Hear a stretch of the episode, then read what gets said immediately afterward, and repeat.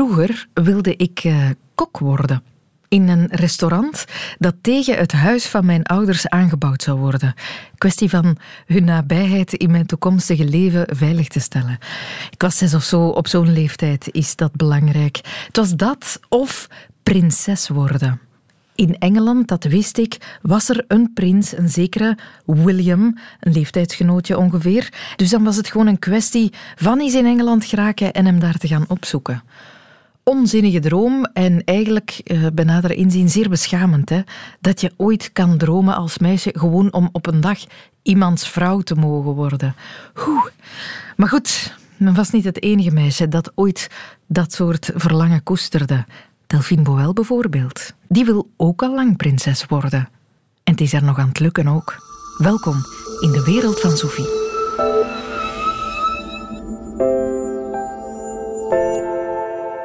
Motivatie is natuurlijk enigszins anders. Delphine Boel vecht al jaren om erkenning van haar biologische vader, koning Albert II. Ze wil haar afkomst bevestigd zien op papier. En na jaren procederen is dat er nu. Koning Albert maakte onlangs bekend dat hij inderdaad haar vader is. Ongetwijfeld een gigantische opluchting na zo'n jarenlange strijd. Brecht de Volderen reconstrueert. 1999. Mario Daniels zit in het vijfde jaar woordkunst en drama aan de Academie in Brugge. Hij houdt van de Beatles, van Elisa Wout en het meest van koningin Paula. Het is een biografie van koningin Paola, waaraan deze 17-jarige moerkirkenaar nu al twee jaar werkt. Niemand is perfect, ook Paola niet, ook Albert niet.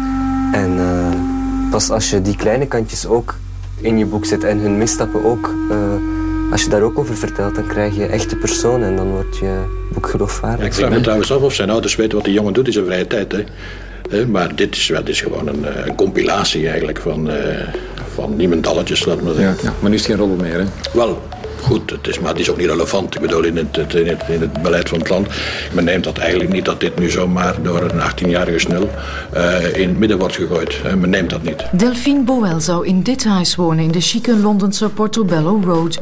Een huis waar de jongste dagen meerdere persfotografen en cameraploegen op de loer liggen. Maar Delphine zelf heeft zich er nog niet laten zien. Villecroze, diep in het zuiden van Frankrijk. De internationale pers is hier neergestreken. De journalisten komen allemaal om een glimp op te vangen van Delphine, die in het huis van haar moeder zou verblijven. Maar de pers is eraan voor de moeite, want Delphine is eilings vertrokken naar Londen. Portobello Road ligt midden in de chique wijk Notting Hill. Op nummer 2 is er geen teken van leven. Delphine Boel is gisteren thuisgekomen in Zuid-Frankrijk. Sindsdien is ze niet meer gezien. Tot plotseling I have a private life and I have no comment. In ieder geval is haar boodschap aan de pers meer dan duidelijk. Laat me nu met rust. Die crisisperiode werd ons onlangs in herinnering gebracht. Daar wensen wij niet verder op in te gaan. Zij behoort tot ons privéleven.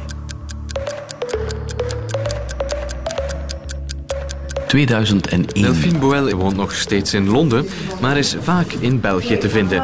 Ze is tenslotte Belgische. Je trouve que les Belges ont une façon de vivre qui est différente que les autres. Dit is Delphine's eerste solo-tentoonstelling in België. C'est pas ridicule, c'est grand et exagéré, plein de couleurs. Over haar afkomst, haar vader, praat ze niet graag.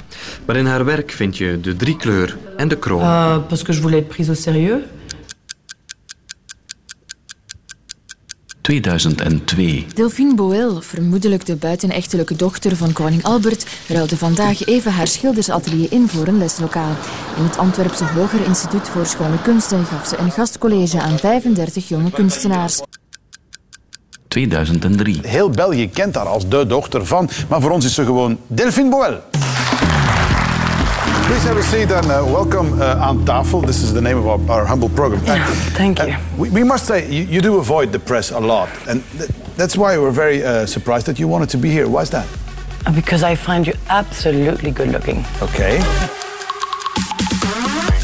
2005. Delphine Boel was jarenlang het best bewaarde geheim van het Koningshuis.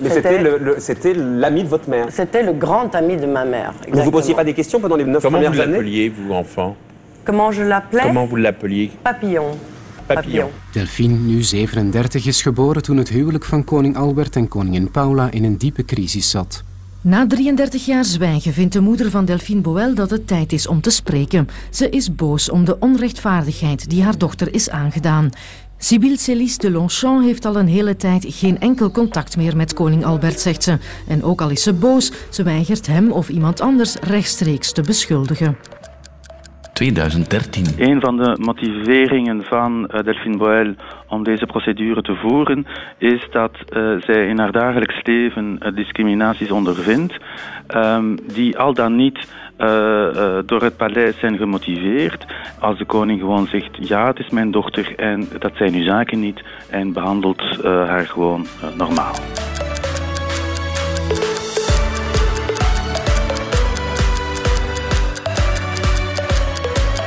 2016. Sinds een uur of twee is bekend dat Delphine Boel mag voortprocederen om erkend te worden als dochter van koning Albert. Dat heeft het grondwettelijk hof beslist. Dat is het uiteindelijke doel, inderdaad, de, de juridische waarheid in overeenstemming te brengen met de biologische werkelijkheid. Koning Albert moet net zoals iedere gewone burger persoonlijk voor de rechtbank verschijnen als de rechter dat vraagt. De rechter in de zaak rond Delphine Boel heeft koning Albert bevolen om op 21 februari persoonlijk te verschijnen. 2017. Delphine Boel trekt voorlopig aan het kortste eind in haar rechtszaak om erkend te worden als kind van koning Albert. De rechtbank zal zich immers niet uitspreken over de vraag of de koning haar vader is. De vraag is onontvankelijk verklaard.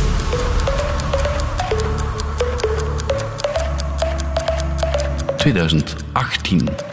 Begin van de week kwam nog het verrassende nieuws dat ook de rechtbank nu een DNA-stel vraagt van koning Albert. Delphine is ontspannen en ziet er blij uit. Of dat is dankzij de uitspraak van de rechter, die Jacques Boel schrapt als haar vader en koning Albert een DNA-test oplegt, kan of mag ze niet kwijt. Alles is nog te fragiel, de rechtszaak is nog niet voorbij.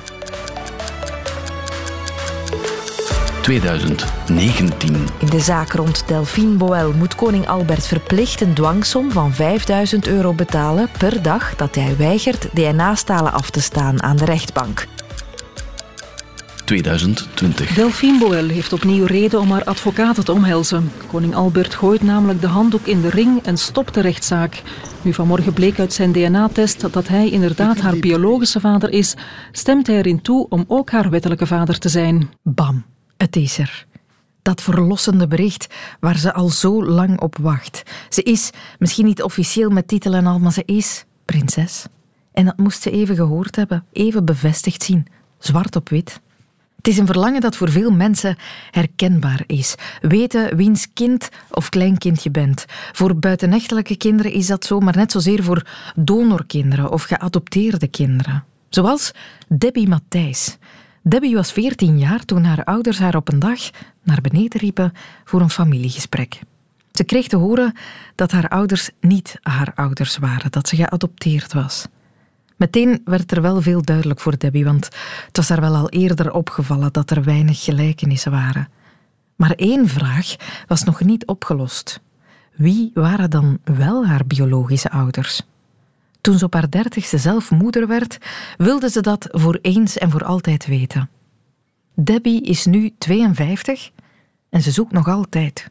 Onder andere via de website MyHeritage, waar geadopteerden online op zoek kunnen gaan naar genetische verwanten. Ik ben nu aan het inloggen op uh, MyHeritage. En nu ga ik eens even kijken. Um, het ding is aan het draaien. Nee, er is niemand uh, vandaag bijgekomen. Is dit nu een dagelijkse activiteit voor jou? Nu niet meer, nee. Het is um, we wekelijks nog wel, absoluut. Maar het, het, is ooit wel dagelijks geweest. Maar gelukkig dat dat ook een beetje weer terug gaat liggen. Zo. Spijtige is, vind ik, dat het altijd toch weer terugkomt. Het is iets wat eigenlijk mijn, heel mijn leven, mijn man noemt dat een uh, zachte worsteling is. Ik heb twee paar ouders. Dus de ene hebben mij het leven gegeven, met de andere heb ik samengeleefd. En beide zijn voor mij, eigenlijk moet ik bijna zeggen, even belangrijk. Want zonder mijn leven was ik er niet. En zonder het leven dat mijn adoptieouders mij hebben gegeven, ja, was ik ook niet de persoon die ik nu ben. Dus bij ons is alles gesplitst. Ik weet wie mijn biologische moeder is. Ik heb haar één keer twintig minuutjes ontmoet, maar ze wil absoluut uh, geen contact met mij. Ze wordt, als ze mijn naam hoort, wordt ze woest. Um, valt er geen huis mee te halen. Ze was 18 toen ze bevallen was. Ze heeft mij afgestaan. Via het adoptiehuis hebben we twee keer met haar proberen contact te nemen. En twee keer heeft ze op dezelfde manier gereageerd. Heel woest, heel boos. Ik begrijp daaruit dat ze zwaar getraumatiseerd is. Toen ik haar één keer, dus die twintig minuutjes heb ontmoet was dat geen warm, spoorloos eh, in elkaar in de armen vallend gesprek. Uh, maar dat was heel kil, heel koud. Ik heb zelden zo'n uh, koud gesprek meegemaakt eigenlijk. Zij had sinds haar 15e, 16e een relatie met een man, ik ga geen namen noemen. En toen ze 18 was, was ze nog altijd met die man samen. Ik ben dan gekomen, twee jaar na mijn geboorte zijn ze getrouwd, hebben ze nog twee andere kinderen gekregen. En dan tien jaar later of zo zijn ze dan gescheiden. En toen ik mijn broer contacteerde, uh, na heel lang zoeken had ik hem gevonden, heeft hij zowel zijn moeder als zijn vader daarmee geconfronteerd en hebben ze beiden geconfirmeerd dat hun vader ook mijn vader was. Dus ik heb met die man contact opgenomen. Um, ik ben daar vier jaar lang heb ik gedacht dat hij mijn vader was. En hij heeft meer dan vijftig jaar gedacht dat ik zijn dochter was, want hij wist dat het afgestaan was. Tot ik dan voor mijn verjaardag geen geschenk wou, want ja, ik wilde een vriendschappelijk tegen. Ik wou iets op papier dat hij mijn vader was. En dat was een hele koude douche, want toen bleek dat hij mijn vader niet was. Ik kwam uit de DNA-test. Dus ik ben nu op zoek naar mijn biologische vader. Het is zo belangrijk om je geschiedenis te kennen, je roots te kennen. Uiteraard, iedereen kan begrijpen erfelijke ziektes. En uiterlijk, dat snapt ook iedereen. En kwaliteiten, wiskundig, muzikaal, dat snapt ook iedereen. Maar er zijn ook trauma's die je doorgeeft, uh, onbewust. En ja, dat zijn dingen die ik voel, maar ik kan die niet plaatsen, want ik ken het verhaal van de geschiedenis niet. Ik voel me wel een beetje tweedehands. Mag ik er wel zijn? Dat is continu het gevoel dat je hebt. Mijn biologische moeder is enkele maanden in een instelling geweest uh, voor zwangere meisjes in uh, Hoboken. Die heeft continu gedacht, ik wil die baby niet, ik wil die baby niet, ik moet die niet hebben. Dus, en bij heel veel adoptieouders, niet allemaal, maar bij heel veel adoptieouders, als ze een eigen kind hadden kunnen hebben, hadden ze jou ook niet genomen. Dus je bent daar ook een beetje tweede keus.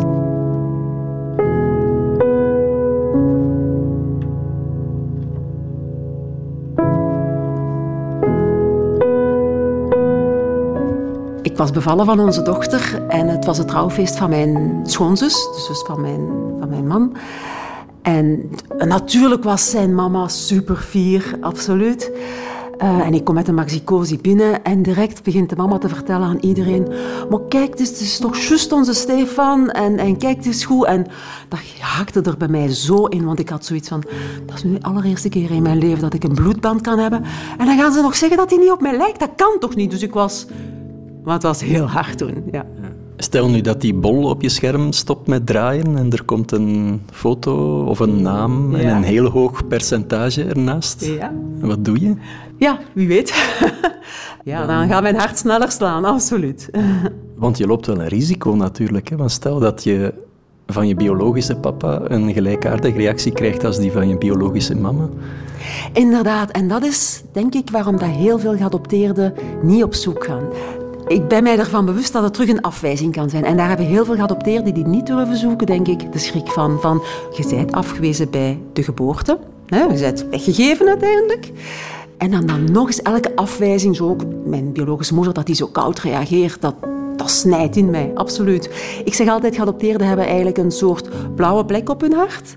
En bij de minste trigger slaagt hij terug paars, rood, geel en groen uit. Dat is, ja, dat is zo'n klein, klein knopje en dat kan door iets heel dom getriggerd worden.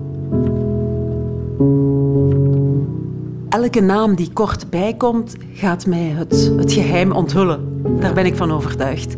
Ik zit er echt heel kort bij, daar ben ik mij van bewust. Absoluut, ja, ja, ja. Ik heb ook um, twee suggesties gekregen van mensen, pistes die ik aan het onderzoeken ben. En ik hoop zo ook een link te kunnen leggen met de namen die ik in mijn uh, My Heritage databank heb.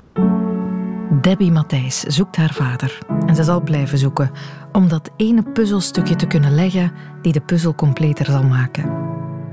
Waarom hechten we daar zo'n belang aan? Waarom stoppen we er jaren van ons leven in om dat ene stukje informatie te pakken te krijgen? Die vraag is een redelijk hot topic onder ethici. Waarom hechten we zo'n waarde aan onze afkomst?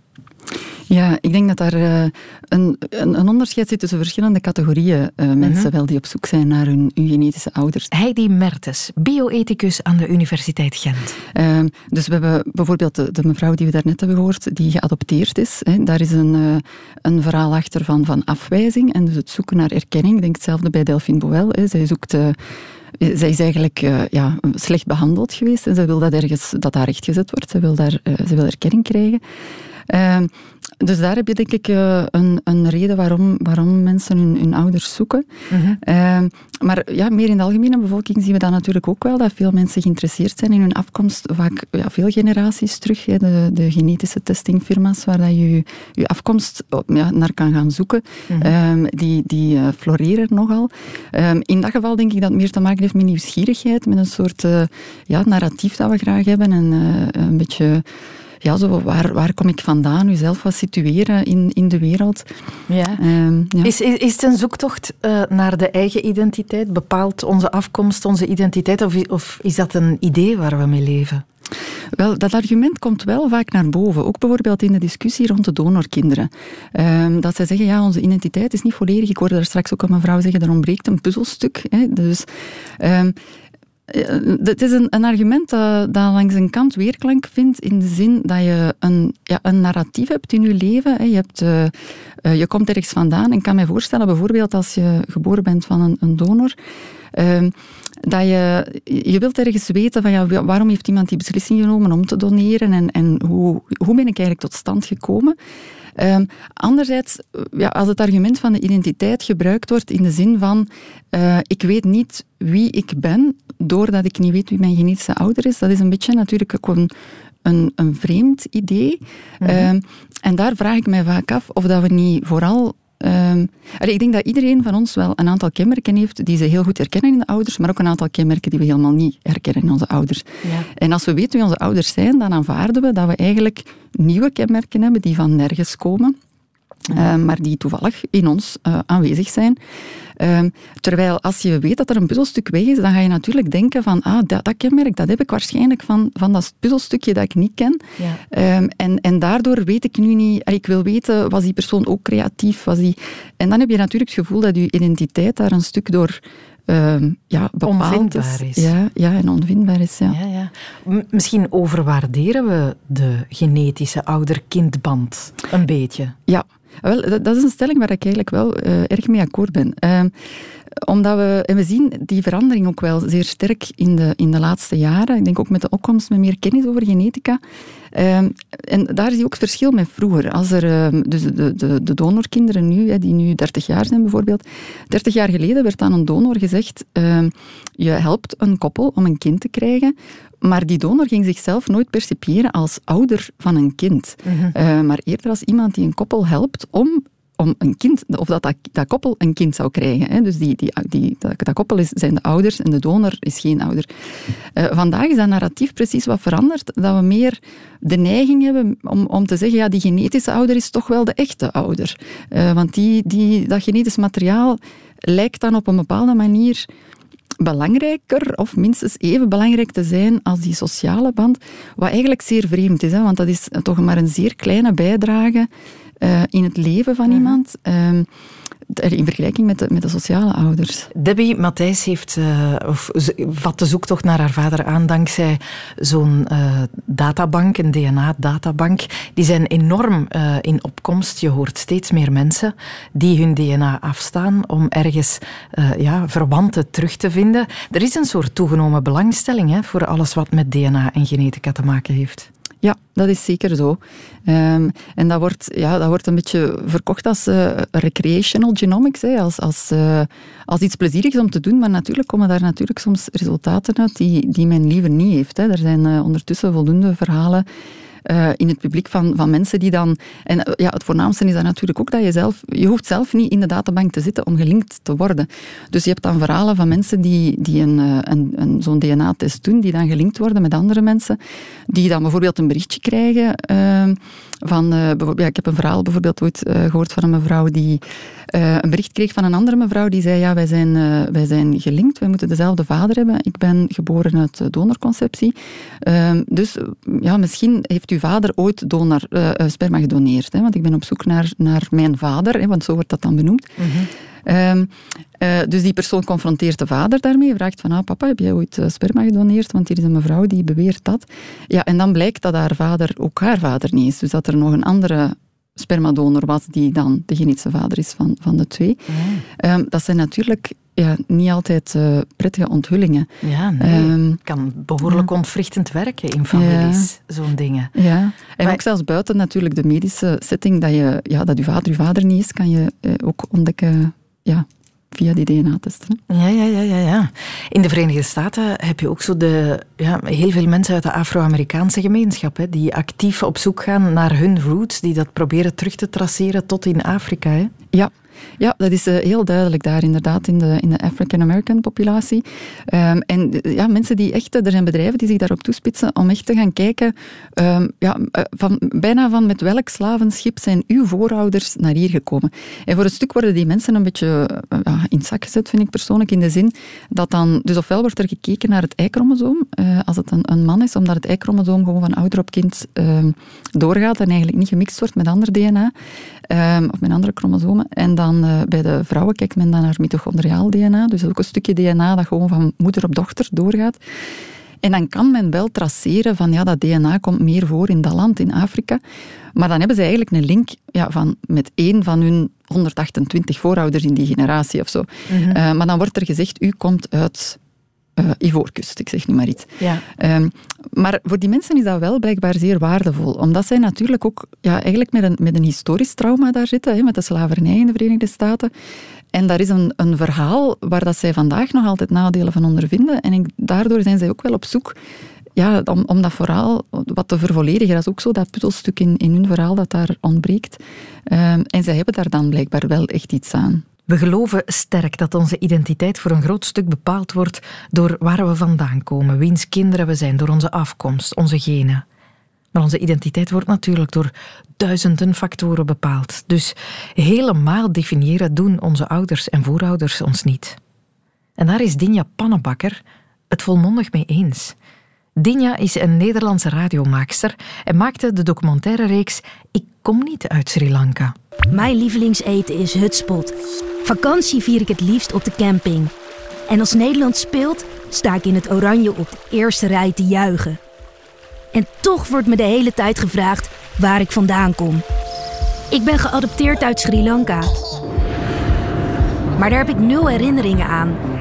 Trots zijn op je roots, het lijkt wel een trend. Iedereen vindt dat ik er wat mee moet doen. Zijn mijn roots echt zo belangrijk als iedereen zegt? In deze serie onderzoek ik het belang van weten waar je vandaan komt. Ik ben Dinja Pannebakker en ik kom niet uit Sri Lanka. Dinja werd geadopteerd toen ze een baby was uit Sri Lanka en groeide, zoals je kon horen, op in Nederland. En ze voelt zich dus op en top Keeskop. Klopt, ja, ik voel me gewoon heel Nederlands. En dat heb ik me eigenlijk altijd al gevoeld. En ja, dat maakt me gewoon gelukkig. Ik ben gewoon happy met wie ik ben. En er zijn geen vragen, geen complexen, geen zorgen. Helemaal niet in mijn geval. Nee, nee. Ik, heb, uh, ik heb nooit echt uh, de behoefte gevoeld om meer te weten te komen over waar ik vandaan kom uh, of over het land.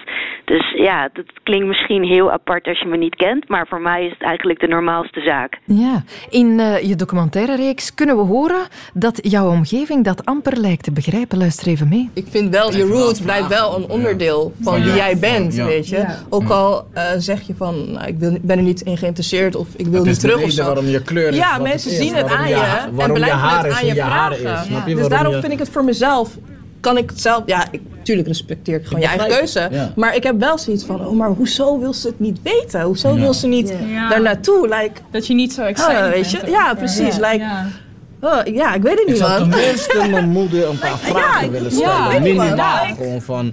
Yo, why? Het is bijzonder, hè? Heel veel meningen blijkbaar over wat jij over je afkomst zou moeten vinden en voelen. Ja, precies. Ja, dat was ook wel lastig, zeg maar. In de documentaire moest ik heel veel luisteren. En kon ik niet direct antwoord geven. Dus mensen vertelden heel de tijd aan mij: ja, dit, zo moet je je voelen. En uh, dit is hoe het zit. Maar ik voel het gewoon heel anders. Dus ja. Ben je eigenlijk ooit in Sri Lanka geweest? Ja, los van je geboorte natuurlijk. Hè? Ja, ik ben er één keertje met mijn ouders naartoe gegaan. Uh, in 2000, dus dat is al best wel lang geleden. Um, en dat was voor mij uh, ja, best wel uh, heftig, om het zo maar even te zeggen. Omdat het voor mij... Je stapt in Nederland in een vliegtuig... en je stapt in Sri Lanka uit een vliegtuig. Ik was nog nooit echt ver op vakantie geweest. En dan is het letterlijk zo'n verschil qua cultuur. Die warmte die kwam op me af. En overal rook ik die geuren. En dat was gewoon best wel heftig voor mij. En die geuren, dat vond ik... Ja, dat, dat vond ik zo verschrikkelijk om te ruiken. Ik werd daar ziek van en misselijk van. Dus daardoor komt het ook eigenlijk dat ik niet heel graag terug zou willen. Juist door die geuren. Die staan eigenlijk gewoon in de weg. Zo bijzonder dat de geuren je zo erg zijn bijgebleven van die reis. Ja, klopt. Ja. En in, in de serie zie je hem ook praten met een adoptiecoach. En hij zegt dus, hij heeft daar wel een hele mooie verklaring voor. Ik ben het niet met alles eens wat hij zegt. Maar dit geloof ik wel. Je zit gewoon negen maanden in iemands buik. En diegene die eet en drinkt. Dus je krijgt ook veel voedingsstoffen natuurlijk uh, binnen. En uh, daardoor uh, kan het ook zomaar zo zijn dat je een soort van blokkade creëert daardoor. Juist omdat je dat al binnen hebt gekregen, maar dat je hier gaat wonen, andere dingen gaat eten, andere dingen gaat drinken, dat ben je gewend. Dus dat is dan een heel verschil. En ik geloof, ja, ik geloof dat wel. Ik vond dat wel een mooie theorie die hij daar vertelde. Wauw, ja, indrukwekkend. Zo heb ik nog nooit over nagedacht. Maar het is niet zo dat toen je in Sri Lanka was, dat je een connectie voelde met het land. Nee, eigenlijk totaal niet. Nee, ik voelde me gewoon een toerist in, in eigen land eigenlijk. Mm ja, je noemt het dan wel je eigen land. ja, om het zo maar, ja, ik kom uiteindelijk, ja, kom ik daar natuurlijk wel vandaan. Ik bedoel, mhm. ik ben een Sri Lankaanse vrouw, maar het voelde niet als mijn land, zeg maar. Ja. Iets heel boeiends is dat je je gevoel uh, over je identiteit vergelijkt met iemand die transgender is. Leg eens uit. Ja, ik voel me gewoon van binnen uh, heel Nederlands, maar van buiten zie ik er natuurlijk uit als een Sri Lankaanse vrouw. Dus mensen die kijken naar mij en die zien een Sri Lankaanse vrouw. En ja, dat begrijpen ze dan niet helemaal. Dat rijmt niet met elkaar voor hun gevoel dan. En voor mij is het gewoon logisch. Ik voel me gewoon Nederlands en ik zie er Sri Lankaans uit. Maar dat is toch gewoon prima. Waarom kan dat niet? Dus dat is wat ik eigenlijk met die term probeerde uit te leggen. Dat het niet helemaal rijmt, zeg maar, voor de buitenwereld. Mm dat maakt het wel heel erg helder. Heb je, ja, heb je er iets aan gehad aan de zoektocht? Heb je rust achteraf?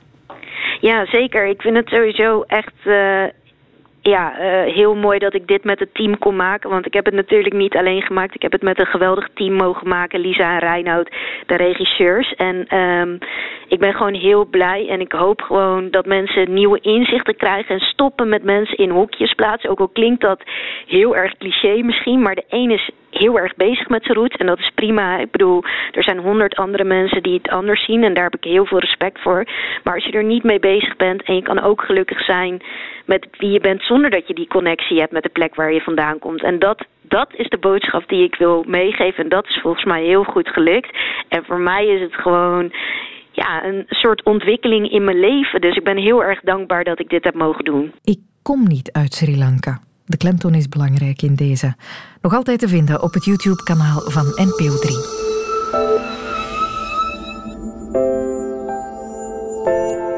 Dit was de wereld van Sophie over onze afkomst en waarom we die zo graag willen kennen. Hopelijk heb je er wat aan gehad. Abonneren kan, dan krijg je alle nieuwe afleveringen van deze podcast voortaan automatisch op je toestellen gepleurd. Je hoort ons ook elke weekdag tussen 10 uur en 12 uur op Radio 1. Tot gauw.